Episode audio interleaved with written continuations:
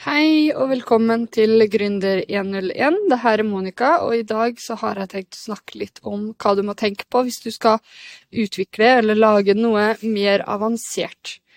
Det er jo veldig mange her som går rundt og har litt sånn eh, forskjellige ideer til eh, ting og tang i samfunnet som eh, burde eh, dekkes og utvikles. Men det er ikke alle som har på en måte kompetansen eller innsikt i hva det vil si å faktisk utvikle noe sånt. Og da må man jo eh, rett og slett eh, sette det av gårde til noen andre. Det, og da er det jo spesifikt folk som har den kompetansen som eh, du er ute etter, da.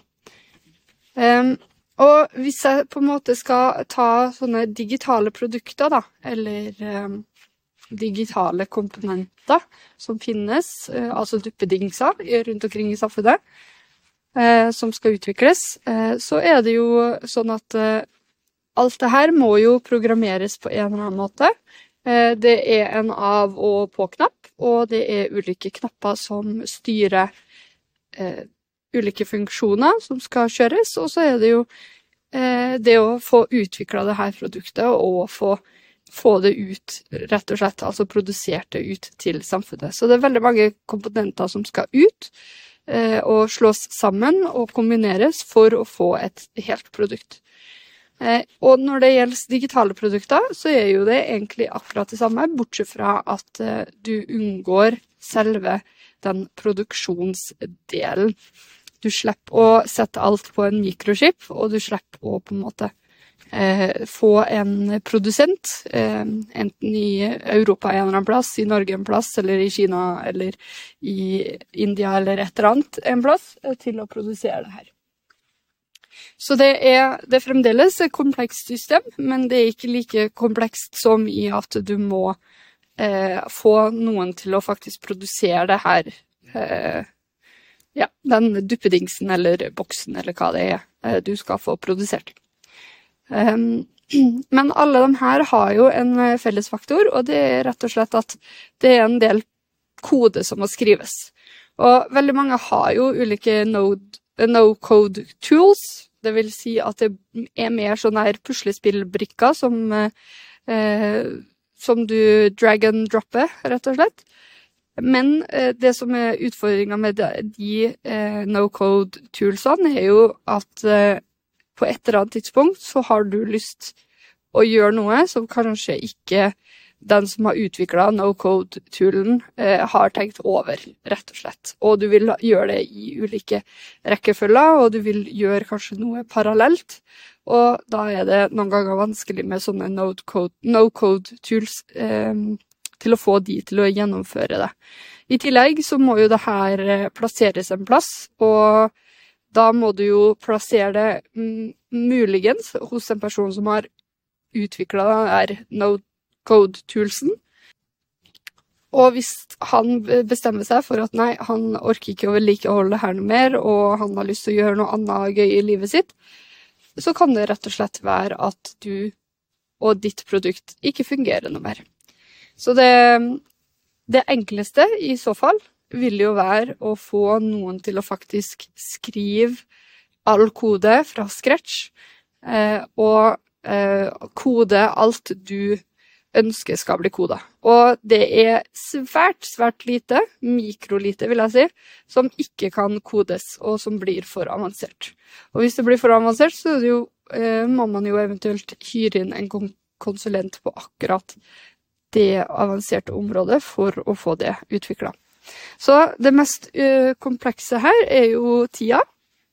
Hvor lang tid det tar å utvikle det. Og har man uh, tid, og har man uh, rett og slett penger til å utvikle det, så er det ingenting som kan stoppe deg fra å få det du ønsker utvikla. Og det programmerere, da, sånn som jeg, tenker først og fremst på, er jo eh, hvilket eh, programmeringsspråk man skal bruke. Er det gjerne produkter som skal utvikles i form av eh, duppedingser som skal ut i samfunnet, så er det ofte et språk som heter Java som blir brukt, eller jeg tror det er C-sharp, jeg kan ikke det språket. Um, um, som brukes, mens eh, hvis det er noe som er digitalt på nettet, så er det ofte Javascript og HTML og CSS som brukes. Og så finnes det ulike på en måte rammeverk, ting som puttes oppå javascripten, som gjør prosessen mye enklere, som eksempel React eller Next eller eh, Svelt eller et eller annet annet språk som på en måte puttes på toppen, da. Eh, og dere trenger ikke nødvendigvis å huske på alle de her begrepene, fordi det er egentlig ikke viktig for deg å vite, men det som er viktigst å vite når man eventuelt tar kontakt med en utvikler og får det her utvikla, så er det veldig lurt å dobbeltsjekke hvilket språk det er, og så gjerne gå inn på nav.no eller et eller annet for å se på antall utlysninger det er i det språket. For noen eh, utviklere har jo funnet ut et eh, veldig sånn spesielt språk som de syns er veldig gøy og er kanskje i vinden. Eh, eksempel Astro, eh, som for, øvrig hunden min heter. Men som er i vinden, liksom. og så er det nesten ingen utviklere som kan det språket. Og er det sånn at du og utvikleren går hver deres vei av en eller annen grunn, og noe skjer, så kan det jo rett og slett være at du er stuck med det programmeringsspråket, uten at det er særlig mange andre som kan det språket. Så eh, google alltid. Er det React, eksempel? Google React på eh, Nav, finn, finn, jobb, og se hvor mange det er som ser etter React-utviklere. Det er veldig lurt. Eh, alt jeg har snakka om så langt, det har jo vært Eh, programvare eh, som skal utvikles. Det er jo enten i f.eks. Java eller React, da. Um, og React blir jo sett på som det som er på forsida, eh, altså alle nettsider f.eks., kan bli laga i React. Mens Java er mer det som er på, på baksida, det som er underliggende for, for uh, selve programvaren, som på en måte kundene ikke skal se, da, som styrer alt. Og det blir kalt for backend. Eh, og de fleste språk må ofte ha en frontend og en backend, altså det som er på forsida, som er visuelt for folk å se. Og så har man ofte eh, backend, som er det som styrer, og som er det som tar imot informasjon og lagrer det f.eks. i en database. Og begge av her komponentene er veldig viktige når man skal utvikle mer avanserte programvarer. Kobler man på tredjepartstjenester, sånn som f.eks.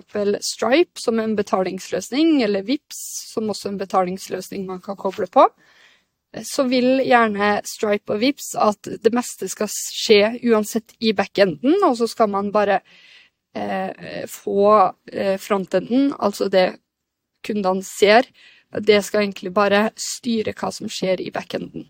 Så informasjonen skal bare sendes fra frontenden til backenden, og så skal det håndteres der. Eh, veldig avanserte ting, jeg vet det. Men eh, det er viktig å vite at det er flere eh, prosesser som foregår på en og samme tid, selv om man f.eks. går inn på vg.no eh, og ser all den teksten og sånn så kommer jo denne teksten fra en plass. Det kommer jo fra en eh, dashbord som eh, journalistene skriver inn på, og så blir det her eh, sendt tilbake til backenden, og så blir det lagra i en database. Og når du skal lese denne artikkelen, så må jo det hentes frem igjen fra databasen, så da går det jo fra databasen til backenden til frontenden igjen. Og det her er for å unngå at folk skal manipulere eh, informasjonen som rett og slett fin finnes i databasen. For hvis man kun har gått fra bruker til database uten å ha hatt en eller annen form for mur som beskytter og dobbeltsjekker om alt det kunden gjør er med god hensikt, så har man et sikkerhetsproblem. Og backenden er, hjelper med å ivareta denne sikkerhetsproblemet.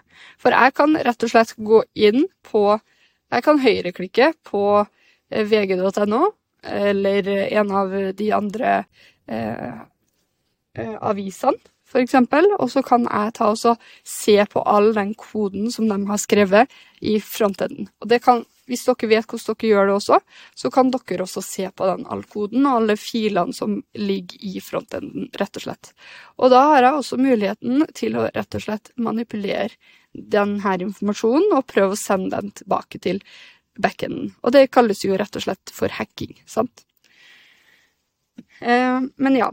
Eh, så alle eh, programmer, avanserte programmer må ha en frontend, og de må ha en backend, og de må ha en database. Altså der informasjonen trygt lagres, som kan hentes og eh, oppdateres og slettes. Og lagres, rett, rett og slett. Eh, og i tillegg så må jo alt det her ligge på en plass. Og det her eh, ligger jo på det som blir kalt for en server. Og det finnes veldig mange forskjellige servere der ute. Sånne, man har jo eksempel sånne skytjenester, sånn som AWS og Asher og ja, Heroku, GoDaddy, eh, One.com. Du har veldig mange forskjellige skytjenester som man kan bruke. Uh, alle eksterne skytjenester, sånn som Heroku og One.com og Vercel og alle de, de belager seg ofte på de største eh, eh, skytjenestene, sånn som for eksempel eh, AWS og Asher. Når man skal starte en server her, så putter man jo ofte på eh, databasen sin på denne serveren, og man putter på backenden sin på en sånn server, og så putter man frontenden på en sånn server. Og ofte vil man gjerne skille de her tre serverne fra hverandre, sånn at det er mulig å vedlikeholde de her serverne på hver sin måte. Det finnes også Hva skal jeg si?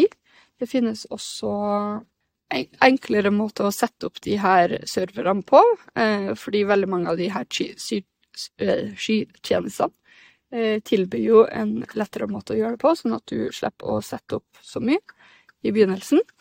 Da, men det koster jo selvfølgelig litt mer penger. Fordi da tar de og vedlikeholder databasen og sånn for deg, for å passe på at rettighetene er ivaretatt, og at det er mindre sannsynlighet for at det foregår et. At det forekommer et sikkerhetshull. Det må uansett settes opp, og databasen og logikken for å hente ut og skrive informasjon må jo fremdeles lages, men det hjelper i hvert fall litt på selve tjenesten. Eh, på selve utviklinga, sånn at det tar mindre tid, rett og slett. Og det her kommer jo til å koste en del i måneden å ha. Det er ikke akkurat nødvendigvis så særlig billig, alt det her. Eh, men veldig mange eh, sånne typer tjenester tilbyr også en billigere pris, i form av at de ønsker å få flere kunder til sitt produkt.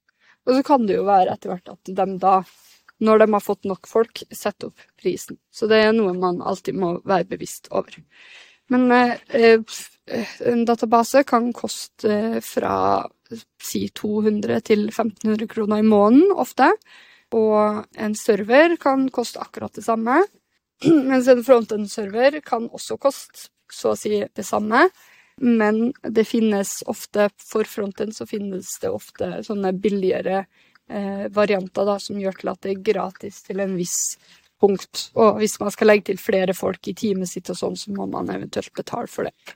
Og så er det verdt å vite at uh, det produktet som du utvikler, det er jo ditt. Det er jo din Det er jo din Det er jo du som betaler for å få det her utvikla. Så hvis du på en måte har fullført kontrakten er fullført, og du har betalt det du skylder, så er jo det her din kode.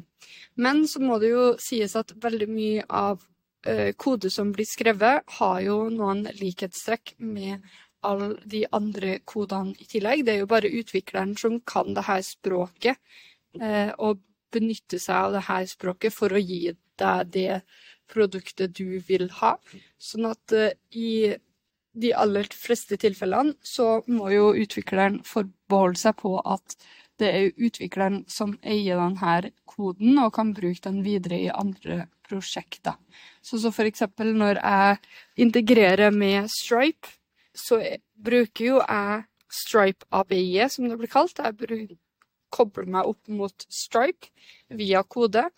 Og så gjør jeg ulike oppgaver med Stripe for å kunne hente ut opplysninger og sette inn opplysninger og overføre penger og gjennomføre betalinger, kansellere ordre, skrive ut kvittering osv. osv. Eller sende ut kvittering. Og denne koden er jo ikke unik i den forstand, og eh, utvikleren kan derfor ikke si at det her er kode som du eier. For denne koden kan brukes eh, av eh, utvikleren nok en gang på andre prosjekter. Og denne koden er mest sannsynlig brukt eh, av andre utviklere også, men kanskje på en annen måte noen ganger i formuleringer osv. Litt sånn som når man skriver en tekst. Sant? To personer kan skrive om, eh, kan skrive om et tema, men den nøyaktige ordfrasen eh, trenger ikke være helt lik. Så på en måte, hvis man skal være helt, helt nøktern og si at vet du, all, all den kode du utvikler for meg, den eier jeg, du får ikke bruke koden videre på noe som helst av koden videre på noen andre prosjekter, så er jo det viktig at Eh, at du sier ifra om det, sånn at eh, utvikleren kan sette en pris eh, tilsvarende det, fordi da blir det jo selvfølgelig mye, mye dyrere.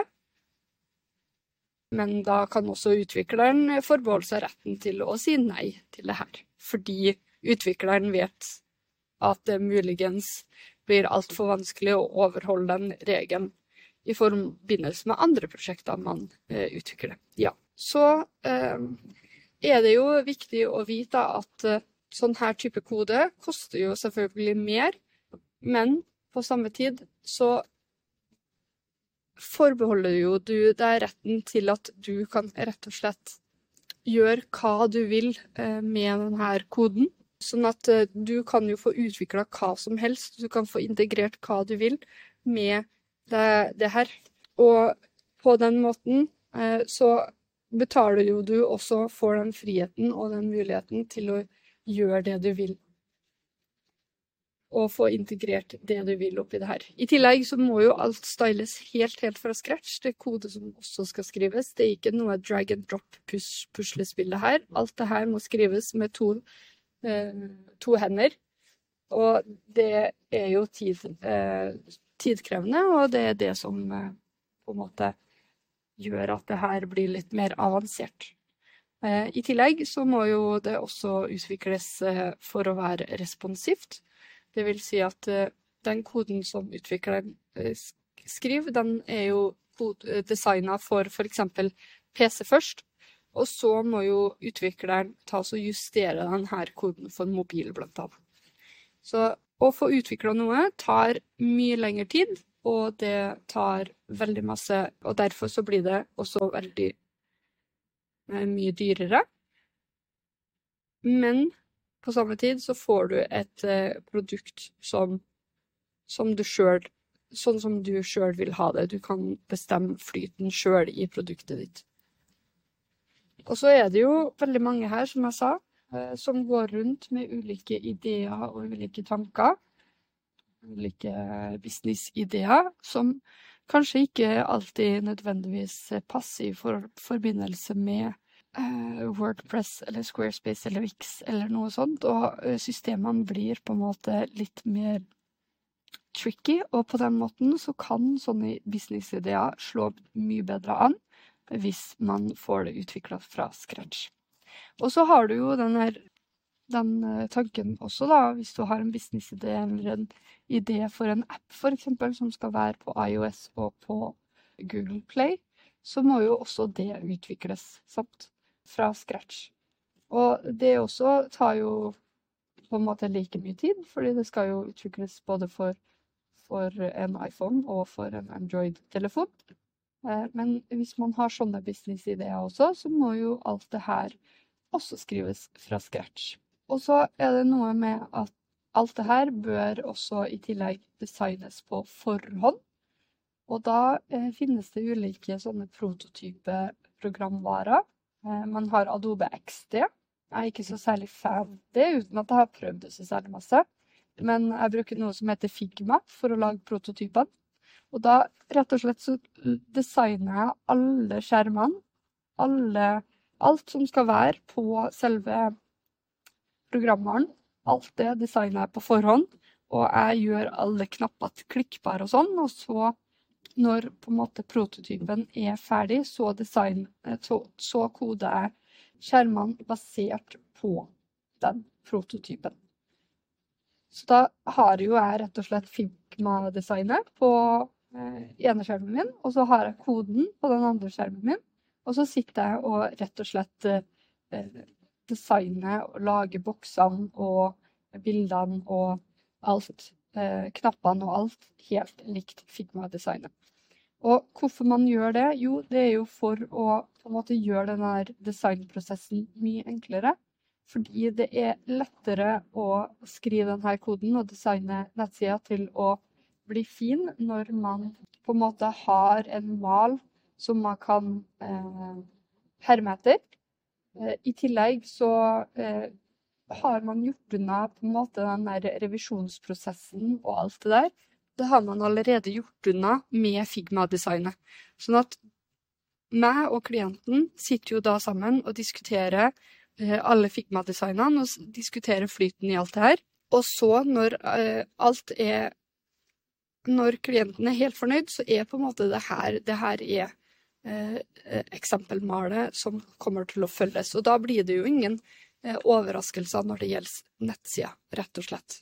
I tillegg så er jo det her selvfølgelig litt mer tidkrevende, men man sparer i, i og for seg ekstremt mye tid i etterkant fordi at man rett og slett får gjort unna de her prosessene senere. Og det å få gi en utvikler eh, frie tøyler til å designe alt fra kode, og så skal det gjøres om i etterkant. Det eh, tar så ekstremt mye mer tid, fordi hvis du ikke er fornøyd med den koden utvikleren skriver, og vil at denne utvikleren skal gjøre noe helt, helt forskjellig, så er det her tid eh, som man aldri får tilbake. Man må jo da slette all den koden som han har eh, skrevet, Eh, og så må man på en måte gjøre den her om igjen eh, på nytt. Og si at du enda ikke er fornøyd, og det er en miskommunikasjon mellom deg og utvikleren, for det er det jo uh, ofte lett at det kan skje. Så kan det jo være at den utvikleren må designe det bortimot to eller tre ganger også. Sant? Og så kan det jo være at man får en ny inspirasjon til Eh, hvordan det skal se ut når man har begynt å sette helhetsperspektivet i, i hele nettsida. Og så handler det jo også om at eh, eh, man skal se, eh, som jeg sa, helhetsperspektivet i det her. Man skal se alt, hele nettsida i en sammenheng, og ikke se side for side i en sammenheng. Så det å se at eh, knappene skal være helt like, eksempel, gjør jo til at man kan lage en en hovedknapp, og så kan man replikere denne hovedknappen videre til de andre eh, sidene som skal også brukes. Så det å lage de komponentene er jo kjempe, kjempeviktig i tillegg. Og eh, hvis det ikke er noe sånn her helhetlig system i det her, som ikke blir laga på en måte i Figma, så er det lett for at eh, designet også kan skli ut fordi man kommer på nye og bedre ideer til hvordan det skal se ut. Så det å bli eh, enig på forhånd hvordan den skal se ut på skjerm, og hvordan den skal se ut eh, PC-skjerm, mener jeg, og hvordan den skal se ut på mobil, det er kjempe, kjempeviktig. Så det er jo også inkludert i den prisen man ofte gir når man skal lage det her. Og så er det jo noe med hva er det her eh, koster, da. Um, det kan man jo umulig vite før man finner ut uh, hva, hva, som inkluderes i det her. Uh, men ofte så er det jo minimum 50 000 og utover for å lage de her uh, delene. Og det er jo fordi at det kommer til Det tar ikke bare én måned å lage det her. Ofte så kan det ta fire, fem, seks måneder, kanskje oppimot åtte måneder, et år, to år. Altså Eh, det spørs jo hvor komplekst det systemet er, hvor mange utviklere som er satt på saken. osv., osv. Så, videre. så sånne her ting tar eh, veldig lang tid. Og da kommer jo prisen til å reflektere det her. Så gjerne be om pristilbud eh, med, eh, fra ulike utviklere og ut, ulike sam, eh, selskaper, og sammenligne dem. Og vurdere tilbudene, ikke bare prisen. Fordi eh, prisen kan inkludere eh, mye mer noen ganger, selv om det er en dyrere pris. Og så eh, det samme gjelder med app. Forhør deg med ulike selskaper til å utvikle denne appen. Det, det er anbefalt før man setter i gang. Og så skal det jo sies at som, som jeg håper jeg har gitt inntrykk av i denne episoden også, eh, så er jo det noe jeg på en måte jeg kan også eh, ta på meg og utvikle. Og jeg syns det er veldig, veldig gøy å eh, drive med sånne her prosjekter og gjøre på en måte ingenting til noe. Jeg syns det er veldig gøy å på en måte lage, lage et produkt fra tabula rasa, rett og slett. Altså fra et uh, blankt ark. Uh, det er ekstremt, ekstremt gøy. Den er god. Uh, da var, tror jeg det var det. Det kan jo også sies at veldig mange, siden her bruker ofte å være dyrt, og man må betale en del penger, så er det jo muligens viktig å prøve å få inn noen investorer på sånne prosjekter, sånn at man ikke tømmer lommeboka si helt på sånne prosjekter. Eh, det kan være lurt å skaffe seg noen investorer som kan sponse det her, eh, mot å få noen aksjer i selskapet. Eh, og så er det jo ofte sånn når jeg er utvikler, at veldig mange henvender seg til meg, og så vil de gjerne at jeg skal gjøre det gratis imot noen aksjer. Eh, men det er veldig, veldig viktig å vite at eh, jeg må eh, brødfø min egen familie og putte mat på bordet. Så jeg kan liksom ikke ta og så gi fra meg mine superkrefter mot gratis arbeid i håp om at selskapet skal plutselig slå an. Fordi det er det dessverre ingen garantier for, selv om alle heier, på ideen din og heier på produktet ditt. Eh, så det bruker jeg ofte å eh, Eller alltid å si nei til. Altså, jeg kan gjerne motta aksjer i tillegg til en pris, men jeg må fremdeles få dekka det jeg trenger i løpet av en måned for å sette i gang med dette prosjektet. Eller de prosjektene det gjelder. Ja. Så det beste er jo å skaffe seg noen investorer, og basert på det, eh, ta så kontakt utviklere og høre om prisen. Ofte vil man jo kanskje også gjerne ha en pris før man kontakter investorer, for å finne ut hvor mye penger man eh, vanligvis trenger til sånne startup-ideer, startup rett og slett. Den er god. Det var resten av episoden. Eh, og jeg håper du satt pris på, selv om du ikke nødvendigvis eh, forsto alt, og ikke, selv om du ikke nødvendigvis tok og eh, hadde dine egne ideer som du skal utvikle. Da ses vi i neste episode. På gjensyn.